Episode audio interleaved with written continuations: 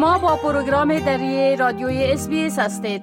حال نظری گذرای به تازه ترین رویدادها در ارتباط به افغانستان می اندازیم. گزارش ها می گویند که یک مقام روسی با طالبان درباره به رسمیت شناختن حکومت این گروه از جانب جامعه جهانی به خصوص از طرف روسیه مذاکره کرده است. در یک بیانیه وزارت خارجه روسیه گفته شده که زمیر کابلوف نماینده خاص روسیه برای افغانستان در سفر به کابل با امیرخان متقی وزیر خارجه رژیم طالبان بر علاوه مذاکرات در مورد روابط دو جانبه توسعه روابط اقتصادی فرهنگی آموزشی مبارزه با گروه های دهشت افغانی و جلوگیری از قاچاق درباره به رسمیت شناختن سیاسی نظام طالبان هم صحبت کرد. در یک بخش از بیانیه وزارت خارجه روسیه گفته شده که نماینده روسیه توجه فراوان را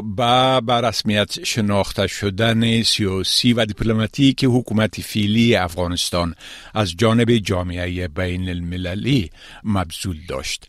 همچنان در این دیدار بر تضمین ثبات و امنیت در همه منطقه تاکید صورت گرفت. طبق گزارش طلو نیوز زبیح الله مجاهد سخنگوی طالبان به رسمیت شناختن حکومت سرپرست افغانستان را به سود اقتصاد و سیاست خوانده و گفته است که کشورها باید درک کنند که اعمال فشارها و قطع روابط و بعضی از فشارهای سیاسی دیگر نتیجه نمی دهد بهتر است که آنها از روی تعامل با افغانها به پیش بیایند و هر کشوری که در این راستا پیش قدمی کند و نزدیکی کند قابل ستایش می باشد. بیش از 16 ماه می شود که طالبان دوباره قدرت را در افغانستان به دست آوردند ولی تا حال هیچ کشوری این رژیم را به رسمیت نشناخته گرچه بعضی از کشورها دیپلمات های طالبان را پذیرفته و عده دیگر نمایندگی های سیاسیشان در افغانستان را دوباره فعال ساختند. طبق گزارش صدای امریکا سازمان آموزشی علمی و فرهنگی ملل متحد یونسکو گفته است که روز بین المللی آموزش به تاریخ 24 جنوری 2023 را به نام زنان و دختران افغان اختصاص داده است. آدری ازولی رئیس یونسکو ضمن اتخاذ این تصمیم گفته است که در این مناسبت خواستار اعاده فوری حق بنیادی و اساسی زنان و دختران افغان به آموزش خواهد شد. یونسکو آموزش را حق همگانی بشری خوانده و گفته است که هیچ کشور در جهان وجود ندارد که مانع آموزش زنان و دختران شده باشد. این نهاد ملل متحد گفته است که جامعه بین المللی مسئولیت دارد تا ایاده بیدرنگ دسترسی زنان و دختران افغان به آموزش را تضمین کند. قرار است یونسکو به مناسبت 24 جنوری روز بین المللی آموزش محفل را در مقر سازمان ملل متحد در نیویورک با اشتراک سرمنشی ملل متحد رئیس مجمع عمومی سازمان ملل متحد و رئیس یونسکو برگزار کند که در آن به صورت اختصاصی در مورد آموزش زنان و دختران افغان صحبتهای خواهد شد. طبق ایسایه سازمان ملل متحد 80 فیصد زن و دختر افغان که در سن مکتب رفتن هستند به خاطر سیاست های ضد زنان طالبان از رفتن به مکتب محروم شدهاند. یونسکو می‌گوید که پس از به قدرت رسیدن طالبان در سال 2021 با وسایل گوناگون به شمول کار با های دولتی فعال در افغانستان آموزش از راه دور به خصوص با استفاده از دستگاه های رادیویی در افغانستان و روش های دیگر از کوشش ها برای آموزش زنان و دختران افغان حمایت کرده است.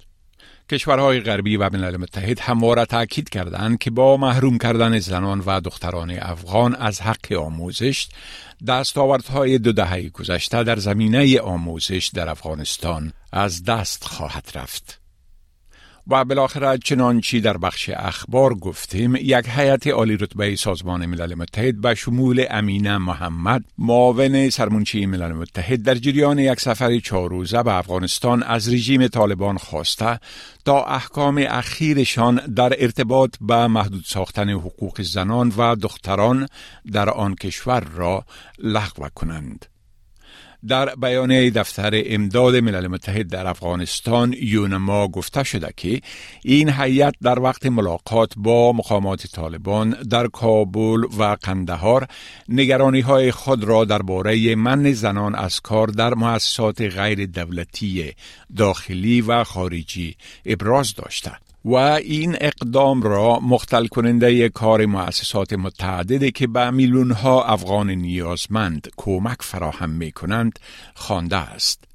در بیانیه گفته شده که خانم محمد به طالبان واضح ساخته که این محدودیت ها زنان و دختران افغان را در خانه های خودشان محبوس می کند حقوق آنها را نقص و جوامع را از خدمات آنها محروم می سازد. امینه محمد و اعضای هیئت همراه او در جریان این سفر با جوامع آسیب دیده کارکنان خدمات بشری، جامعه مدنی و شخصیت های مهم دیگر هم در کابل، قندهار و هرات ملاقات کردند. گفتم این شود که رژیم طالبان اخیرا مافیت های را در زمینه کار زنان در بعضی از بخش های امدادی اعلان کرده و یونما می گوید که این اقدام زمینه را برای کمک های بشر دوستانه و ادامه فعالیت ها و در برخی موارد برای اثرگیری کمک ها تا حد هموار می سازد ولی می گوید که این محدود به چند بخش است و کافی نمی باشد. می خواهید این گونه گزارش ها را بیشتر بشنوید؟ به این گزارشات از طریق Apple Podcast، Google Podcast، Spotify و یا هر جایی که پادکاستتان را می گیرید گوش دهید.